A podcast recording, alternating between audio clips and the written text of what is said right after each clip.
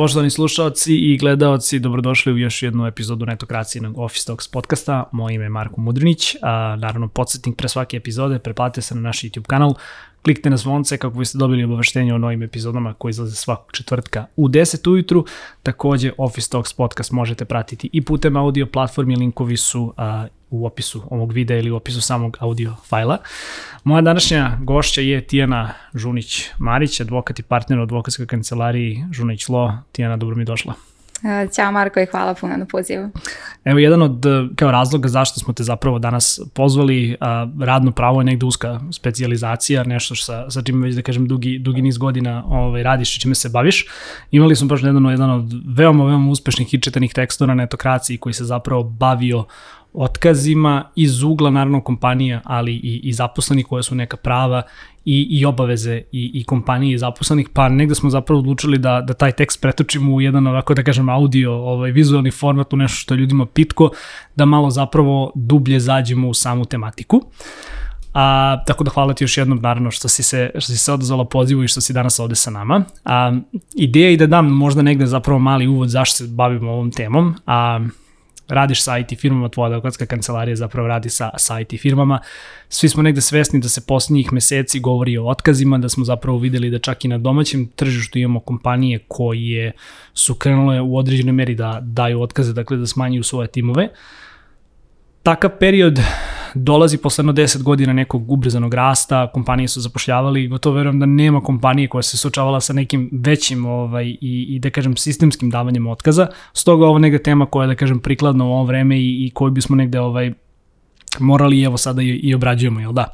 Pa za početak sam vrlo hteo da te pitam, a, kako negde ti lično posmetraš situaciju koja, sa kojom se domaća IT industrija suočava, A, da li su ti otkazi, da kažem, nešto što je možda samo strah kompanija ili i zaista, da kažem, i trenutna realna potreba u ovom trenutku?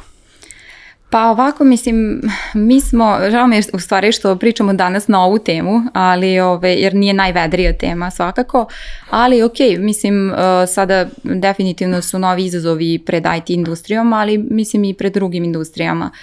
Um, Mislim da, da naše tržište u tom, e, po tom pitanju dosta zavisi od onoga što se dešava pre svega u e, Americi. I e, zbog toga što ovde ja to gledam kao situaciju koja se nije desila zbog jednog razloga, već kulminacije nekoliko faktora i to je neka vrsta savršene oluje Mi imamo uh, s jedne strane uh, potpuno novu ekonomsku realnost u, u uh, Americi pa i u svetu i uh, tamo je uh, 200.000 ljudi čini mi se kao poslednja informacija ostalo bez posla trenutno uh, od, uh, između ostalog od najvećih tech giganata. E, u Indiji sam videla da je 150.000, znači zaista, zaista ozbiljne cifre. I e, ta ekonomska realnost, e, pre svega izazvana jako visokom stopom inflacije u vezi sa sada odlukom Banke federalnih rezervi u Americi da podigne kamatne stope, što je Uh, naravno posledično sve uh, utiče na ekonomsku krizu. Uh, troškovi kompanija se povećavaju i šta će kompanija da uradi? Znači, ili može da poveća profit, što je u suštini jako teško, jako da. teško u ekonomskoj krizi i u inflaciji, s druge strane može da katuje troško. I da. sada tu se radi zapravo o katovanju troškova koje počinje od giganata, ali polako se preliva na sve. Uh, i mislim da će to zakačiti u stvari i našu IT industriju. Uh, međutim, uh, mislim da nije samo tu, um, da nije samo to faktor. Znači, mi definitivno imali smo neku vrstu prebrzog zapošljavanja, stihijskog zapošljavanja tokom pandemije, kada je mnogo, mnogo tehnoloških kompanija imalo, beležilo veliki rast, jer smo se svi preselili iz offline života više u online život, aktivnost online je bila daleko veća i tu samo cifre, recimo ako uzmete da je Amazon imao 106% rasta u zapošljavanju tokom pandemije, Meta 104, Salesforce 68, ako se ne varam. Znači, to su zaista sulude cifre i, i, i lideri tih e, kompanija jesu izašli javno i rekli da, da je postojala greška u tim odlukama i da oni preuzimaju odgovornost za to. Naravno, ne znam, ne znam koliko ti, ti svi ljudi koji su ostali bez posla imaju puno od toga, ali uh, svakako uh, to jeste jedan od faktora I naravno, mislim da ne treba da zanemarimo uh, da mi imamo novi tehnološki talas. Znači, uh, mi sada uh, imamo upliv veštačke inteligencije, uh, kompanije pokušavaju da se optimizuju, da uh, možda neke projekte koji su manje važni, manje uspešni i sve ostalo, e, sada izbace ili smanje, a da se fokusiraju na očigledno ono što je apsolutna budućnost. I sad mi, e, mislim, ja ne verujem da će bilo ko od tih giganata da propadne svakako. Uzmimo samo primer Microsofta. Znači, Microsoft je otpustio 10.000 ljudi, a najavio da će 10 milijardi da uloži u OpenAI. Jel? Znači, e, otprilike 10 miliona e, dolara e, po zaposlenom bi mogao da, da ovaj, potroši da nema te nove investicije. Znači, ne radi se tu samo o katovanju troškova, radi se o jednom potpuno e, drugom um, talasu tehnologije koji nas čeka i naravno geopolitička situacija koja utiče na vol volatilnost tržišta i, i ostale nesigurnosti koje to nosi i moje neko lično mišljenje svakako je postoji i hype um, gde sada je lako kompanijama koje su možda i planirale u dugotrajnijem vremenskom periodu da otpuštaju ljude, sada kada svi otpuštaju, onda su verovatno i same ubrzale te procese da ne budu jedine, jel? Znači, ne, u smislu... Sad im je prilika, da. Sad im je prilika da, da budu u šumi, jel? Da ne budu onako, da kažemo, sami ovaj, na, na vetrometini i medija i svega ostalog ovaj, nego je sada to više se ne zna, ne zna broj. Mm. Tako da e, mislim da se kod velikih radi na optimizaciji, sa druge strane e, mali će sigurno, e, male će poplaviti talas, kada kažem male mislim na e, neki deo startupa i neki deo IT tržišta. To sad sve pre, pre svega govorim na Ameriku, a e, jako će biti interesantno vidjeti šta će se desiti sa domaćom IT industrijom. E, mislim da će tu e, možda postojati i, i, i ma, e, svakako manji uh, efekat, uh, nadam se, a sa druge strane možda će postojati čak i neke prilike za kompanije koje, uh, uh, koje su uh, specijalizovane za uh, razne vrste tehnologija koje su malo specifičnije i slično, uh, da se uh, čak možda da dobiju i bolje projekte ako uzmemo sada novi fokus. Da. E, pažljivo te slušam šta pričaš i kao jako mi je simptomatično da smo pre samo par godina ovaj, i pisali i videli i gledali da razne reportaže Google, Meta, Amazon, sve velike kompanije, pa smo videli i određeni broj domaćih kompanija koje prave sobe za odmaranje, prave kantine, prave zapravo sve da kažem, prave celokupan kampus koji je negde podređen ljudima, a onda ih bukvalno preko noći ovaj, zamenjuju sa veštačkom inteligencijom, ali to je ta neka nova, nova realnost koja, koja je nažalost tu i s kojom moramo da se nosimo.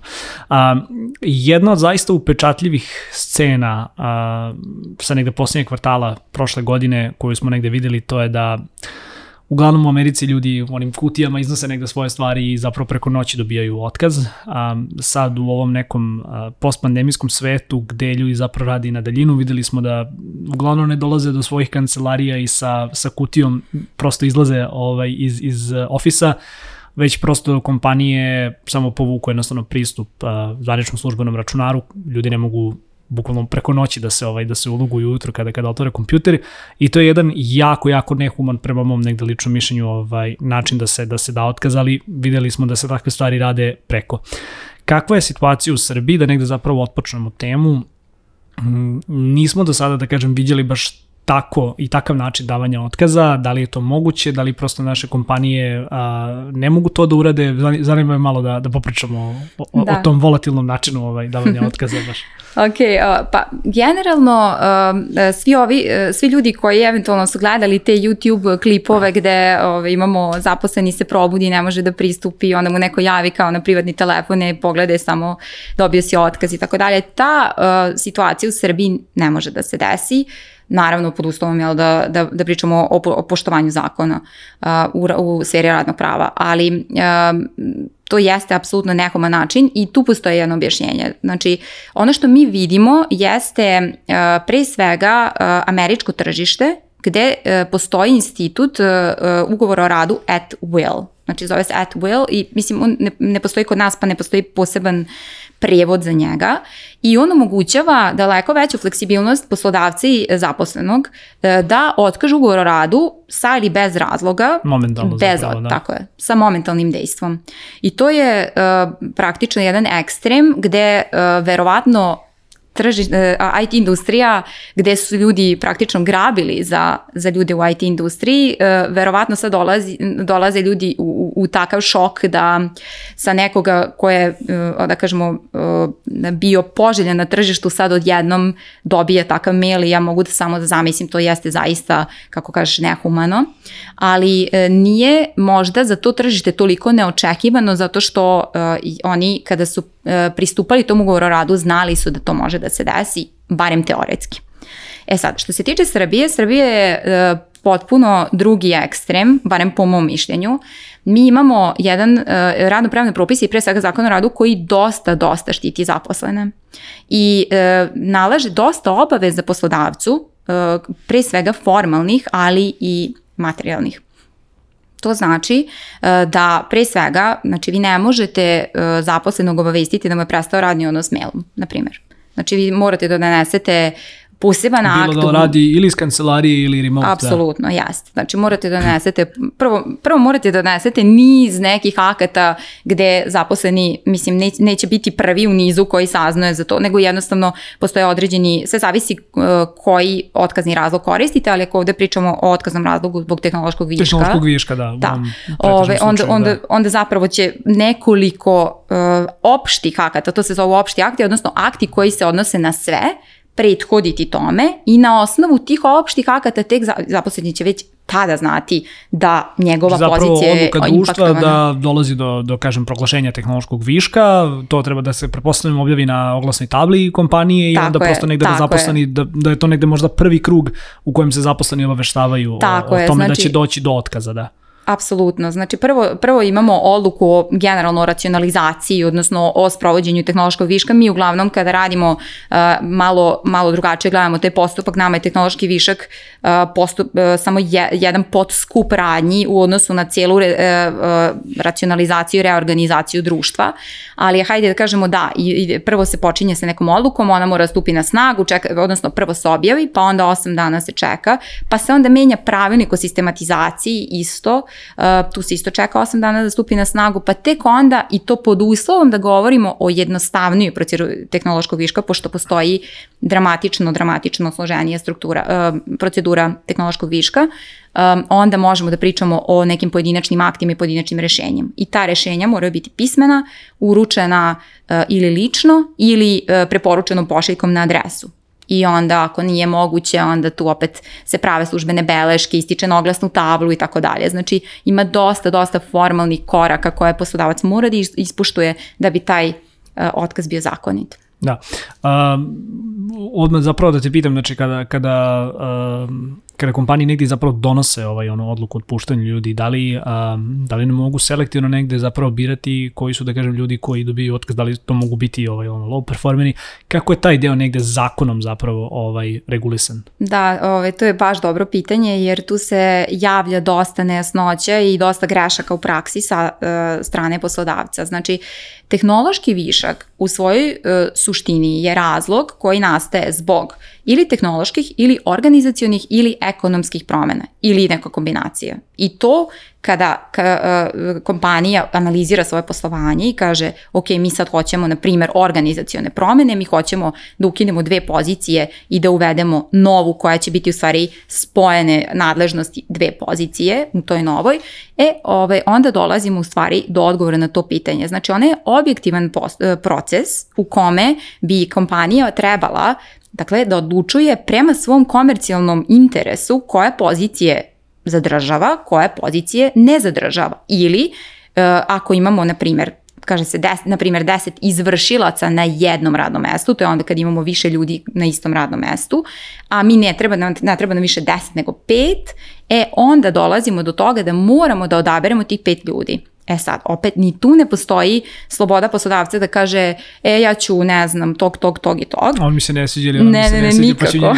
Da. Naprotiv, tu mora da postoji sada, uh, uh, tu će definitivno low performeri uh, možda proći lošije, ali pod uslovom da je proces ocenjivanja prvo bio transparentan, unapred predviđen, da li je postojao pre, prethodnim godinama, kompanije koje to imaju redovno, nezavisno od tehnološkog viška, daleko imaju lakši uh, da, pa na taj zadatak način, tu. Na taj način se i zaštite zapravo u ovakvim Apsolutno, situacijama. apsolutno. I onda jednostavno uh, prvo morate predvidite kriterijume na osnovu kojih ćete porediti ljude, najčešće su to rezultati rada i njihove ocene i nadajmo se uvek da ocene će nam biti dovoljne, zato što ako ne, ne budemo imali dovoljno mogućnost da se odlučimo na osnovu ocena, postoji mogućnost da ćemo morati da ulazimo u neke lične prilike, ekonomske prilike i slično, što je uvek uh, jako dugotrajno mučno, ulazi, uh, ulazi se u puno uh, pribavljanje puno podataka o ličnosti od ljudi i tako dalje i to je nešto što bi bilo super ako može da se izbegne.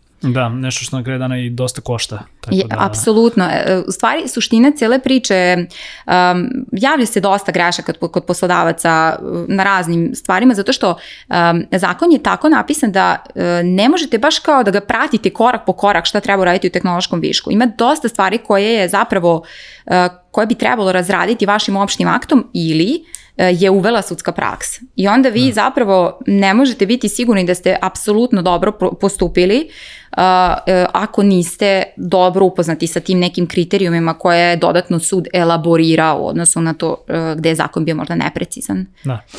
Zadržat ću se samo za sekundu ovaj, na, na, na zakonu. A, hoću ti pitam generalno, a, opet predstavljaš i zaposleni kompanije, tako da negdje imaš zapravo dvojako iskustvo.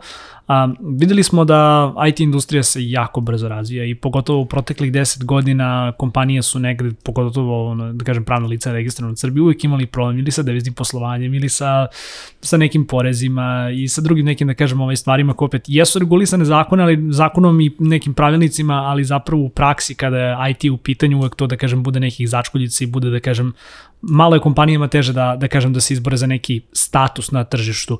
U slučaju da kažem evo zakon o radu smatram da ipak bolje da bude negde zakon na, na strani ovaj na strani zaposlenih, ali hoću odmah da te pitam i ovo je opet negde tvoje lično objektivno mišljenje, ovaj koliko je zakon da kažem prilagođen ili koliko da kažem, ajde bolje da se izrazim, koliko je kompanijama iz IT sfere lako da ispoštuju neke stvari ako znamo da je prosto tržište toliko brzo i toliko podložno promenama. E, U tom smislu moje apsolutno mišljenje je da je zakon potpuno zastare u tom delu. Znači vi i dalje imate problem, realan problem potpisivanja ugovora o radu. I dalje postoji nejasnoća da li uh, oni mogu da se potpišu elektronski ili ne, a zapravo kad dolazimo tumačenjem zakona o radu, oni ne bi trebali da se potpisuju elektronski. Znači mora Da, papir, potpis. da, da, mislim što je stvarno absurdno. Mislim imate jako ograničeni uh, broj akata koje možete da dostavite mailom i to onda još ako vam zaposleni traži pismeno, onda morate pismeno, na primjer rešenje o godišnjem odmoru i slično.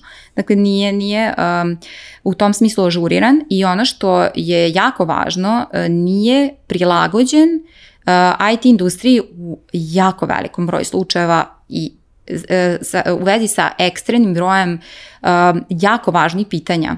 E sad, ovo nije ve- vezano možda za tehnološki višak, ali uh, recimo, kod povrede poslovne tajne, odnosno poverljive informacije kao šire kategorije od poslovne tajne, vi imate vrlo um, um, uska tumačenja, odnosno stavove suda, gde oni kažu ne možete da ugovorite ugovornu kaznu. E sad, šta to znači? Vi kažete, ok, ja imam ugovor o poverljivosti sa zaposlenim, stavim ugovornu kaznu ukoliko zaposleni ode i prosto proda moju poslovnu tajnu i da koristi za svoje Znači svrhe, zaposleni jel? je programe radi na tehnologiju, na tehnologiji koja moja firma razvija, on da otkaz ili dobije otkaz, ode kod drugog konkurenta i manje više, ono što bi rekli amerikanci, da spill the beans, jel da? Apsolutno, kažu da, zapravo da. kako se radi, šta se radi. Da, da, mislim imali smo, imali smo situaciju da, da neko pokupi pok- prosto specifikacije u dokumentaciji i ode, ode kod konkurent. E sad, vi uh, za sada, uh, mi se borimo za, za stav da, da se tu stav suda promeni, uh, ugovara, ugo, možete da ugovorite ugovornu kaznu.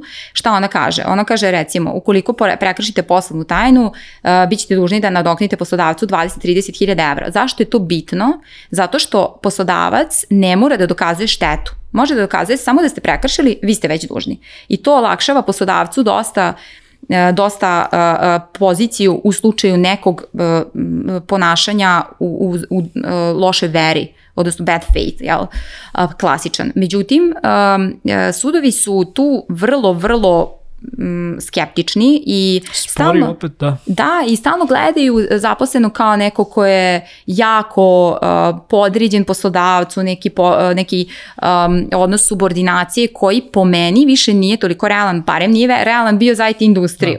Jer je baš, se, baš su da, se okrenuli na glavačke da, malo. Dobro reč, kaže, viktimizuju ovaj zaposlene. Da.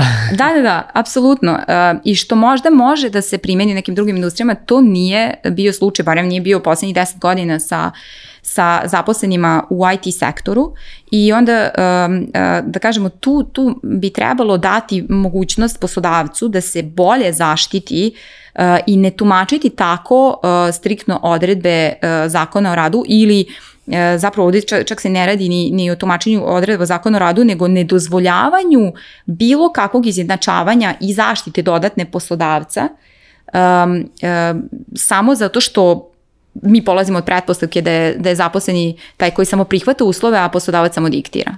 Da, A to nije tako.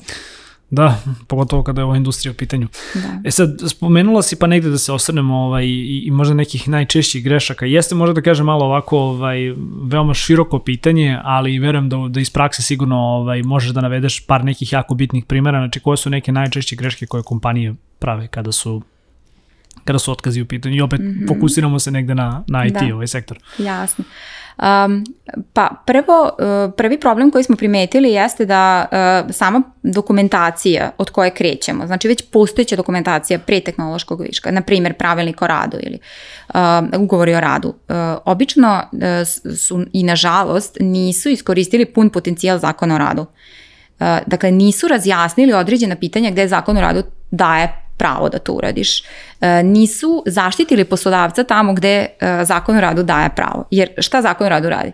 On pre, propisuje kao neki, e, neku sigurnosnu mrežu, kao safety net ispod čega ne možeš da ideš, ali postoji gomila stvari koje možeš da um, razradiš. Možda nadogradiš, da. Tako je, da. I, ove, uh, i, i, tu poslodavac može sebe da zaštiti to jako malo, gotovo uh, nijednu kompaniju inicijalno nismo zatekli da, da je uradila, verovatno zato što između ostalog toliko se sve brzo dešava da niko ne sedi i razmišlja toliko o pravnim dokumentima ili nije razmišljao na samom početku, nego je bitno naravno bila tehnologija, to je potpuno razumljivo. E sad, uh, dalji uh, problemi koji se javljaju je po meni stihijsko ulaženje u ovaj postupak, ne, nesagledavanje koji su koraci. Zašto? Zato što onda ne možete raditi radnje određene istovremeno, sad smo rekli da moramo čekamo određene rokove i slično, A e, ukoliko vam se produžava taj rok, vi sve vrijeme plaćate ljude koji će vam is, i- m, jednog momenta biti tehnološki višak, oni su već nemotivisani da rade, znači imate, da kažemo, odugovlačenje nekog postupka i zapravo veći trošak. Znači trebalo bi krenuti, napraviti ozbiljnu strategiju sa tim, videti čak da se po- ponude određeni programi ljudima, možda čak i kroz stimu, stimulativne otpremnine, to je sudska praksa zauzela stav da je to potpuno u redu, da ljudi odu možda čak i po sporazumima ukoliko su našli bolje opcije, a da ne ulaze uopšte u postupak tehnološkog viška. To je isto ove, jedno od odličnih rešenja. I tek sa ljudima kada baš morate na krajnjem, da kažemo, delu tog procesa onda sprovedete tehnološki višak. I sad tu kreće, ove, a, nekada se dešava da, da kompanije prosto pogreše, da li im treba ona, kao što sam spomenula, postoji jednostavnija procedura i postoji složenija procedura. I sad postoje određeni zakonom propisani kriterijumi u odnosu na broj ljudi i vremenski period. I sad, uzet ću možda, da kažemo, naj, da, da ne bi sad nabrala zakonske odredbe, uh, možda klasičan primer. Znači, uzmemo 90 dana i u 90 dana ne gleda se sada više koliko poslodavac ima zaposlenih, bitno je znači da bude 20 uh, zaposlenih uh, ukoliko, ukoliko će njima prestati radni odnos i to bez obzira da, znači nisu samo na neodređeno vreme. Tu se dešava da, da poslodavac krene pa kao otpusti 10, pa onda sačeka neko vreme, pa onda ne sačeka, a ne sačeka da prođe 90 dana, postup, otpustiš 10. A zapravo primeni prostu proceduru, što može ceo postupak da, uh, um, da kažemo, zapravo čini ga nezakonitim. I šta se onda dešava? Poslodavac je uh, izložen tužbama zaposlenih, tuženi tuže za ponište rešenja o prestanku radnog odnosa i ukoliko uspeju, poslodavac Faktički se vraćaju na radno mesto. Mogu da se vrate na radno mesto, mogu da traže štetu za nevraćanje na rad, a osim toga šteta u vidu izgubljene zarade je ogromna. Posebno zato što su plate po defaultu dosta visoke. Da. I, i, I što je još gore, sudovi uh, su dosta spori ako su ovo hitni postupci, ali od 3 do 5 godina mislim može da se računa parnica, tako da mi smo imali, imali smo stvarno ove, ljude koji su uh, dobijali štete od nekoliko desetina hiljada evra, um, do čak u jednom slučaju smo imali i, i, i preko 100.000 evra da je bila šteta koju je dobio zaposleni. Da, to su to zaista velike cifre. Su, da. A, spomenuo si jednu stvar koju negde zapravo sam i stavio u pripremu, pa bi da kažem to bilo moje naredno pitanje. Ovaj, ka, sad pravnički ovo neću dobro reći, ali uh, shvatim da imam veći broj zaposlenih kao kompanija, ne želim da otpuštam ljude po principu tehnološkog viška, jer to je onda kada čak i ukoliko zaposleni se ne slaže sa odlukom o otkazu, ja imam da kažem pravo ukoliko naravno ispoštujem sve, sve rokove i sve odrebe koje si i sama rekli, imam pravo da ga otpustim, ali spomenalo si te, te stimulativne pakete gde ja mogu zaposlenima da najavim uh, a, da će doći do otkaza, oni mogu da prihvate 2, 3, 4, 5 plata unapred, to je nešto inače što smo videli zapravo da se da se dešavalo čak i ovih poslednjih meseci na domaćem ovaj tržištu, gde prihvatanjem takih uslova kompanije zapravo onda sporazumni uh, otkaz uh, potpisuju se zaposlenim, pa ako možeš samo malo i taj deo da mi da, da nam prosto približiš, mislim da je bitno ovaj da da naša negde publika zapravo čuje šta takva opcija sve sve podrazumeva i da kažem kakve posledice ili bolje da kažem kakve prosto procedure nosi sa, sa sobom. Jasno. Generalno, dakle, uh, sporazumni prestanak radnog odnosa je uvek najbolja opcija ukoliko i zaposleni poslodavac mogu da nađu dogovor. Posebno je dobra opcija za poslodavca zato što je pobiti, mi kažemo pobijanje sporazuma tužbom, um, je jako teško, odnosno gotovo gotovo nemoguće. Dakle, to je jedna um, od, od onih, um, da kažemo, sigurnosnih stvari za poslodavca i zbog toga poslodavci uh, su često otvoreni za mogućnost da ljude i uh, stimulišu da, da potpišu sporazum i ne samo zbog toga zapravo i zbog samog uh, dužine trajanja tehnološkog viška i zbog uh, kompleksnosti procedure i slične stvari. Tako da to je verovatno, to je ono u praksi što smo videli da se, da se često dešava, a opet um, to, je, to je taj deo strategije sa kojim treba kompanija da počne. Znači, uh, najbolje je da se prvo sagleda koji su to sektori koji moraju e, da trpe smanjenja. E, zatim da se u tim sektorima eventualno e, omogući određeni stimulativni program, da se vidi ko, ko ljudi zaista želi da ode iz kompanije, jer postoje možda ljudi koji nisu motivisani, a vi ćete možda eliminisati ljude koji su više motivisani i slično da ostanu.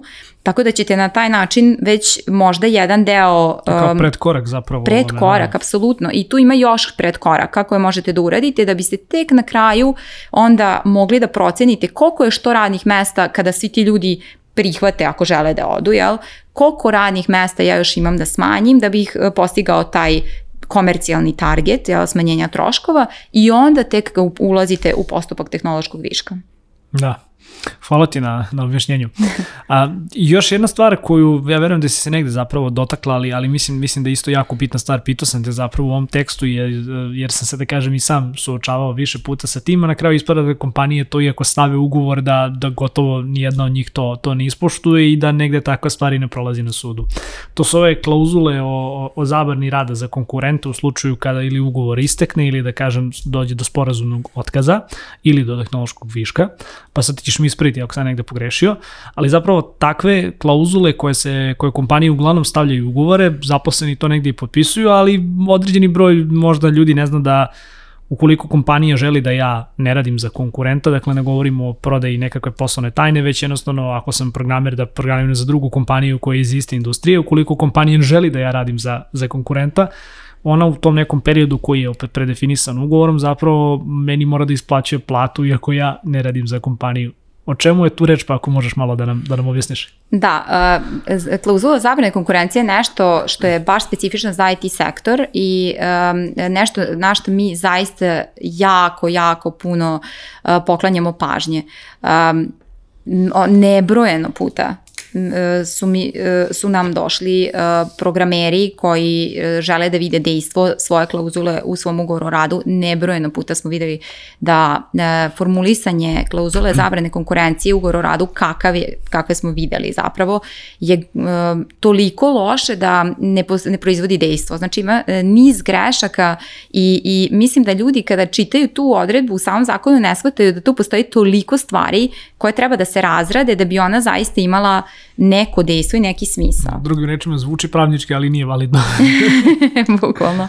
U velikom broju slučajeva je tako i uh, uh, ipak tu se uh, radi o ograničavanju nečeg prava na rad i tu bi zaista trebao biti obazriv da pogodiš tačan onaj balans šta tebi treba da zaista ta osoba ne radi, a da opet s druge strane može da radi sve ostalo.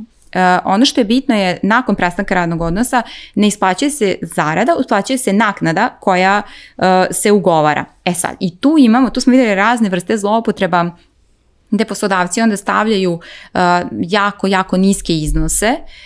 Tu opet je uh, dosta opasno za poslodavca, jel, zato što, mislim, po načelu pravičnosti onda tu ne postoji ekvivalent, ali s druge strane, ako želimo da smanjimo tu naknadu, onda ćemo morati da napravimo uh, uh, zabranu konkurencije što užom. I tu je zapravo taj skill kod, kod advokata i pravnika kogod radi na tome da zapravo formuliše tako da ona bude dovoljno uska, dovoljno efikasna i da e, ta naknada bude ekvivalent za tako usku. Ali ako ja zabranim nekome, mislim zabranim klauzulom da radi posao programiranja ili da radi posao programiranja kod konkurenata na teritoriji celog sveta, pošto jedan od elementa je da možeš da definišeš i geografski pojam, a s da. druge strane opet definišem ceo svet i slično, mislim... Malo je to.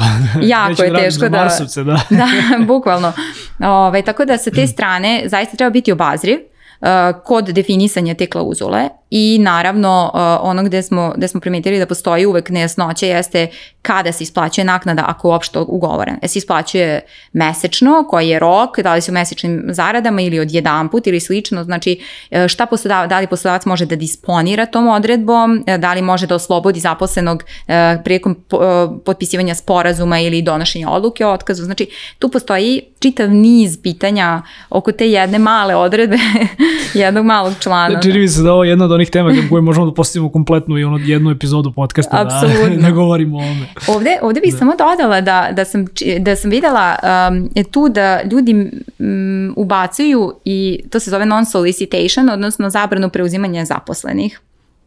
Um, postoji zabrana preuzimanja klijenata što je negde ok, jedan deo toga je ok da, da ide u zabranu konkurencije, ali non-solicitation je druga vrsta klauzule kada se gleda neka vrsta uh, uh, drugih jurisdikcija, odnosno zapadnih uh, jurisdikcija i zabrana preuzimanja zaposlenih, iako ima potpuno smisla, odnosno imala ovih 10 godina smisla u IT industriji, um, nije još uh, prošla test uh, naše sudske prakse, znači ne znamo još uh, Kako šta bi to izgledalo? Da primim, imamo, evo, dajem, dajem primjer, navodim nikoga ovde, imamo na primjer dve banke koje zapošljavaju programere, da li to znači da ja, ukoliko sam zaposlen u jednoj od tih banaka, faktički ne bih smeo da prihvatim ponudu druge banke koja me regrutuje za isto mesto ili kako, kako, to, je, kako to tačno izgleda u praksi? Aha, e, evo, ako postoje dve vrste non-solicitationa, uh -huh. kada govorimo između, na primer, e, nekog ugovora između provajdera i klijenta, IT usluga, IT firma ili e, neka banka i, i, i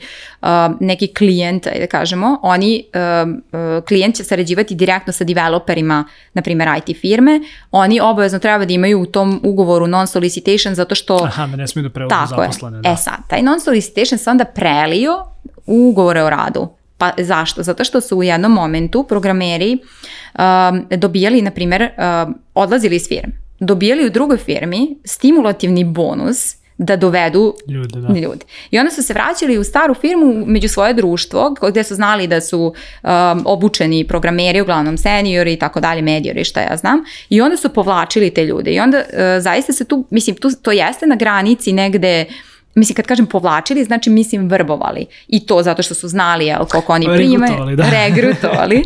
Ali ovaj, sve, sve zato što su zapravo znali i neke informacije koje možda neko izvan e, kompanije ne bi znao. Da. Tako da tu, tu sad malo dolazimo na neki klizav teren. Dosta, dosta je bilo takih stvari poslednjih godina, sad kad neke kompanije imaju zabrane zapošljavanja, ovaj, mislim da, da, da smo negde stali možda privremeno ovaj, na... Da, verovatno jedno vrijeme nećemo još da, da. imati razrešenje. Apsolutno. Uh, ima još jedna stvar koja je negde za, zanimljiva, a to je korišćenje ovog godišnjeg odmora. A, nažalost, vidio sam ovaj, tokom, tokom godina ovaj, i kroz priču i kroz, i kroz praksu ovaj, da, da ljudi prvenstveno ne znaju koliko dana imaju godišnjeg odmora, uprko svim softverima i da kažem svim negde ovaj, ono, i pisanim i, i, i online ovaj, da kažem ovaj, ono, i rešenjima i odlukama. A, kompanija donese odluku o tehnološkom višku ili da kažem ja kao ovaj, zaposleni potpišem zapravo sporazum o, o, o otkaznom roku ili sporazum zapravo o otkazu, sad izvini ako, ako nisam dobro rekao, prosto mi je na primjer 10 dana uh, godišnjeg odmora, to je zapravo da kažem tehnički dve nedelje, ako gledamo po 5 dana, moj otkazni rok je mesec dana. Uglavnom se dešava da kompanije negde, ne, neću možda da kažem prisile, ali da kompanije prosto savetuju ljudima a, da uzmu godišnji odmor, što ljudi naravno i rade, znači imaju onda dve nedelje faktički da predaju su dokumentaciju, da, da vrate opremu, da odrede sve te stvari, imaju dve nedelje plaćenog godišnjeg odmora. Ima naravno slučaja gde su neke stvari, ono što bi se reklo mission critical, pa kompanije se ipak odluče da isplate pored plate i, i tu naknadu, ako sam se dobro izrazio, za neiskorišćene dane godišnjeg odmora, ali opet hoću malo da prodiskutujemo o toj tematici i sa, i sa strane prava. Šta ja, na primjer, ukoliko sam ja zaposlen, ne želim prosto da iskoristim te dane, želim da uzem, ajde da kažem, ovaj, dodatnu tu neku naknadu i želim prosto da se posetim da odarim svoj posao do kraja kako tu je zakon postavljen i da kažem ko tu negde možda zapravo ima više, ovaj, ima taj neki upper hand, da li kompanije ili, ili zaposleni? Pa ovako, ja sam, ja sam rekao već da je zakon o radu dosta naklonjen zaposlenima, ali u pogledu ovog pitanja je nešto naklonjeniji poslodavcu. U načelu, osnovno pravilo je da o godišnjem odmoru odlučuje poslodavac, tim da zakon kaže uz konsultaciju zaposlenog, ali generalno to je samo konsultacija, znači neobavezujuće je.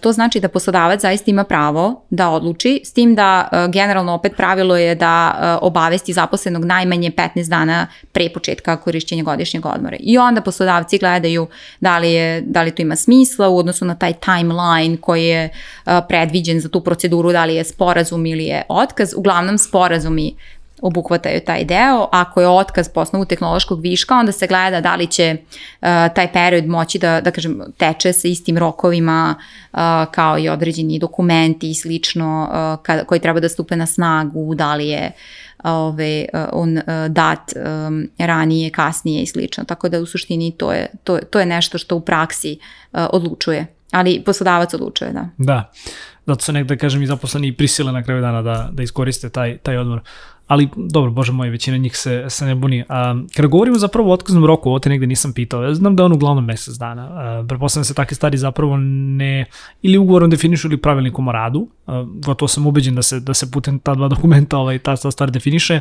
A šta zakon kaže? Da li taj otkazni rok može biti kraći, duži, Otkazni rok može biti maksimalno 30 dana i uh, on se kreće između 15 i 30 dana, to govori zakon. Mm -hmm. Tako da ovaj, ne možete da, da ugovorite duži otkazni rok. Ranije ovaj, uvek bila tendencija da, za, da poslodavci uh, žele duži otkazni rok uh, kako bi mogli da se, da se, da se da nađu zamenu, da se prenesu nadležnosti i to sve, ali takve odredbe su ništave. Da. Još jedan od onih momenta gde je zakon opet naklonjeniji ovaj, zaposlenima. Dobro pokrili smo ovaj deo što se tiče kompanija, mislim poprilično dobro, tako da ovaj, nadam se da negde naši slušalci koji jesu preduzetnici imaju sada malo više saznanja o ovim stvarima, ali opet davanje otkaza i proglašenje odluka o tehnološkom višku, a i generalno da kažemo matematika ne vezuje se samo za kompanije, vezuje se i za zaposlene. Kao što imamo praksu da i kompanije greše, tako isto greše i zaposleni. Pa bih uh, odmah na startu hteo negde da te pitam koje su to najčešće uh, greške koje zaposleni prave i koje su neka prava i obaveze koje zaposleni imaju prema, prema kompanijama? Da, um, tu bih rekla da su najčešće greške to mešanje podataka privatnih sa poslovnim podacima, to posebno ako u malom broju slučajeva, ali dešava se da zaposleni nije koristio poslovni kompjuter, nego je postojala taj BYOD politika, odnosno bring your own device.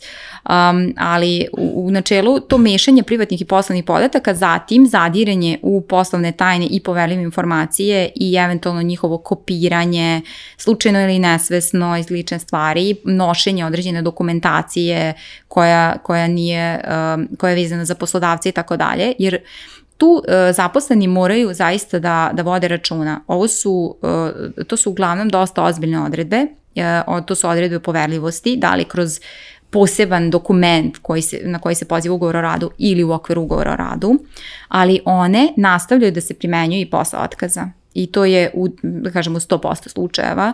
E, naravno, zavisi šta ugovor sam predviđa, ali to je nešto što zaposleni moraju da imaju u vidu i zbog toga je jako važno da se e, da tu ne, do, ne dolazi do mešanja te, ajde kažemo, i kršenja tih obaveza. I isto tako treba voditi računa da se negde sa te poslovne opreme ipak izbrišu ako i postoje, a uvek postoje neki podaci o ličnosti. Sad govorim znači ne o poverljivim informacijama podacima koje pripadaju poslodavcu, nego podacima ličnosti zaposlenog. Dakle, to bi trebalo ukloniti sa bilo koje opreme koju... Svi proveramo privatni mail sa poslovnog računara i pristupamo društvenim mrežama, tako da verovatno bi trebalo na vreme povući da, ovaj, da, sve te stvari. Da. da. A, e, Izvinjam se, ali da. pri tome zaista voditi računa da se slučajno ne desi onda brisanje nekih e, važnih podataka koje pripadaju poslodavcu, mislim to stvarno, Treba to je isto napraviti povreda. razgraničenje šta je, Absolutno. koji su podaci vezani za posao, koji pripadaju poslodavca, koji su da kažem negde naši da. lični U idealnom podaci. svetu to bi trebalo od prvog dana, ali ajde da kažemo. ne živimo u idealnom svetu, da. Ovo je posljednji moment da se to ispravi. Da. A, u toku, da kažemo, ovaj, otkaznog roka, a pretpostavljam da uglavnom da kažem zaposleni tada već negde znaju ovaj, koji je datum na koji odlaze na godišnji odmor, ako tako mogu da kažem. A, s pravne strane, šta je negde opet i pravni, da kažem sa strane prakse, zaposleni uglavnom da kažem pripremaju dokumentaciju radi se taj handover, pišu se izveštaji kako bi se predala dokumentacija, kako bi se predali svi, pod, svi podaci. Da li zakon može tu da kažem ovaj, propisuje još, još neke ovaj, dodatne stvari na koje ili poslodavci ili zaposleni uglavnom ne obraćaju pažnju? Uh, u suštini zakon je tu, uh, uh, ajde kažemo, silent, tihe, ove, ne, ne propisuje tu uh, samu proceduru, tako da tu, to su uglavnom procedure koje su propisane ili u ugovoru ili u opštim aktima poslodavca.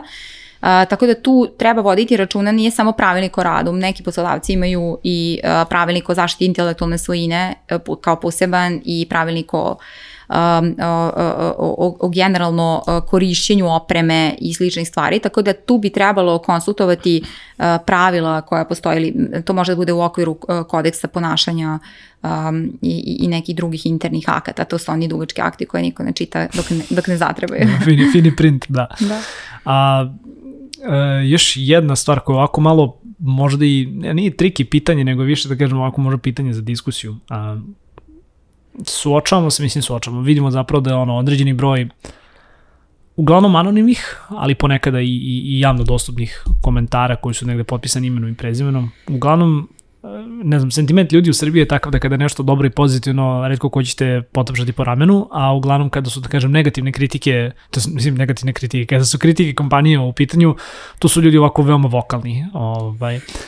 Da li a, zakon definiše, propisuje kako je praksa na kraju dana, a, da li su, da kažem, opet neki a, e, pod, zaštićeni podaci, da li može, može se, da kažem, napraviti neka klauzula gde kompanije stavi na put tome da, da ih zaposleni pa ne, mislim koja, koja je prava reč, da ih zaposleni ugovaraju na društvenim mrežama, mislim kako je ta stvar uopšte definisana, jer de, realno to se ono dešava, daleko od toga da neke kompanije, ovaj, da ne treba biti, da kažem, iskren i transparentan, ali vidimo opet da, uglavnom ti komentari jesu negde vezani negativni, isključivo negativnim sentimentom, da je negde taj balans uh, između dobrih i loših komentara u, u većoj meri, da kažem, okrenut ka, ka lošim komentarima.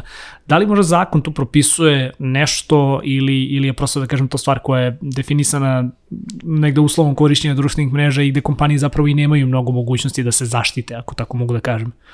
Ovako, uh, mi, uh, znači, naš zakon je definitivno zastareo i uopšte se ne bavi tim pitanjem.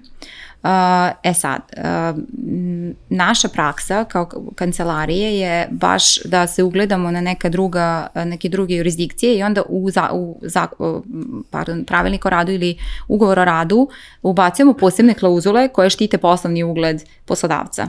I to je, to su u suštini... Posebno reč koju sam tražio. to su u suštini, uh, zovu se non-disparagement clause, clauses, um, koje, koje stvari potiču iz tog uh, anglosaksonskog uh, pravnog sistema i um, one uh, za sada kod nas su uh, u praksi imale neko dejstvo, dobro dejstvo, mogu da kažem, ali uh, nisu još testirane pred sudom. Uh, I sad se tu postavlja pitanje da li će uh, sudska praksa opet stati na, na račun zaposlenog i reći ja zaposlenog ste vi uslovili da potpiše ovo kad je potpisio ugovor o radu ili će ipak uh, reći ok, ali mislim ne možeš da izlasiš baš uvrede, mislim u stvari uvrede, uvrede odnosno uh, povredu reputacije, da kažemo pravnih da lica. kompaniju. Klevetaš kompaniju. Ove, uh, tako da tu je uh, ta fina razlika i baš zbog toga što je zapravo um, neki drugi zakoni koji se ne odnose samo na radno pravo uh, su tumačeni na kraju da uh, kompanija ne može da dobije naknadu štete zbog povrede poslovnog ugleda. Zbog čega sam ja jako um, uznemirena. Ja, dužno, da. E, ali to je pravnička debata. U svakom slučaju mislim da, da bi tu trebali malo više da se ugledamo na anglosaksonske sisteme. Reputacija kompanije je nešto što, verovatno, mislim i sam znaš, da. ove, što kaže Warren Buffett, može da se uništi za, za tri sekunde, i, ove, a gradi se godinama. I uh, u tom smislu uh, ja mislim da je to jako važno. E sad, s druge strane, uh, iznose, iznošenje činjenica koje istovremeno ne predstavljaju neke tajne činjenice bi trebalo da bude u redu. Znači, to mora biti um, u okviru... potrebnog transparentnog. Tako je, da. tako je. Znači, tu treba stvarno biti um, uh, vrlo pažljiv uh, kako, uh, kako ta faktička situacija izgleda. Ima još jedna stvar koju poslodavci mogu da urade, a to je um, sve više poslodavaca donosi pravilnik o um, upotrebi društvenih mreža u vezi sa poslom. I sada tu e, je jako zanimljivo regulisati znači šta smeš da objaviš u vezi sa poslodavcem na društvenim mrežama i e, šta ne smeš e, kad možeš da skineš i slične stvari gde isto nemamo još uvek nikakve stavove suda zato što nije, to je opet IT sektor malo ispred, da. um, ali sa druge strane to je isto u najmanju ruku barem ljudima razjasni šta mogu i šta ne mogu i um, onda, onda nekako uh, situacija svakako bude mnogo, mnogo bolja ali ja se nadam uh, da će, da će sudovi biti malo fleksibilniji i da će malo razumeti realnost novu u kojoj živimo, a to su između ostalih društvene mreže. Mislim da je ovo jedna od onih stvari koje definitivno niko ne želi da dođe ovaj, do suda i uglavnom ako i dođe, to je kažem zbog onog malog, malog broja ljudi ovaj, koji da kažem ovaj, negdje nemaju možda profesionalnu etiku da nastupaju na, na, na takvim portalima, na takvim društvenim mrežima, ali opet ako pogledamo širu sliku Srbije, mislim da nam generalno svima negde ovaj, nedostaje ovaj, neke da kažemo, ovaj, ono, nešto bi rekli ono, etiket za ponašanje ovaj, na, na društvenim mrežama. A, za kraj ti jedno još jedno pitanje, pre nego što zatvorimo ovu današnju diskusiju, a rekla si zapravo da je zakon više naklonjen a, zaposlenima. Ukoliko ja kao zaposleni dobijem otkaz, a, ne slažem se sa nekim odlukama zapravo koje je donao moj poslodavac, koji su neki mehanizmi i sistemi kojima se ja mogu zapravo obratiti za pomoć?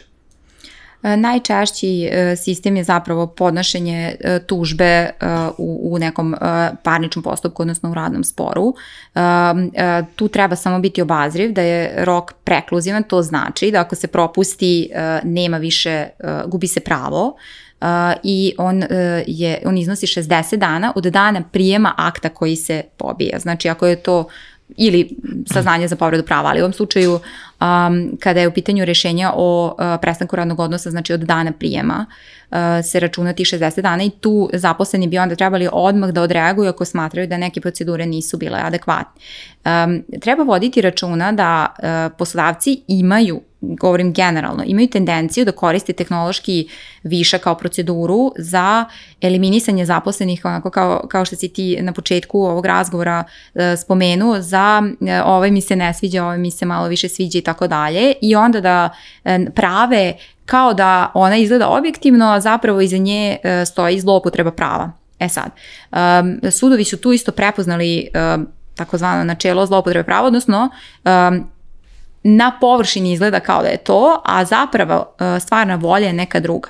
I tu bi stvarno trebali poslodavci uh, da budu ekstremno, ekstremno pažljivi a zaposleni opet s druge strane um, da, da, da prover, da budu svesni da. svojih prava, tako je, jer ako je, ne, sme, ne bi smeo tehnološki višak da se koristi za, to, uh, za eliminisanje zaposlenih za koje bi možda postojao neki drugi razlog prema mišljenju poslodavca, da li zato što možda postoji neki konflikt pa, pa im je onda teško da, pa poslodavcu je teško da to ugura u uh, pravni osnov povrede radne discipline ili povrede radne obaveze ili je zaposleni možda nedovoljno kompetentan, ali su, e, svaki od tih osnova pravnih zahteva neku drugu proceduru koja opet zahteva nove obaveze za poslodavce i novo vreme i davanje nove šanse u slučaju tog poslednje koje smo pomenula, tako da sve to ove, poslodavci nekad skrate pa... Još više izgubljenih resursa, da. Tako je, tako da, je. Da. Tako da tu treba, treba biti sasni sa jedne i sa druge strane on motiv epizode čitajte sitni print.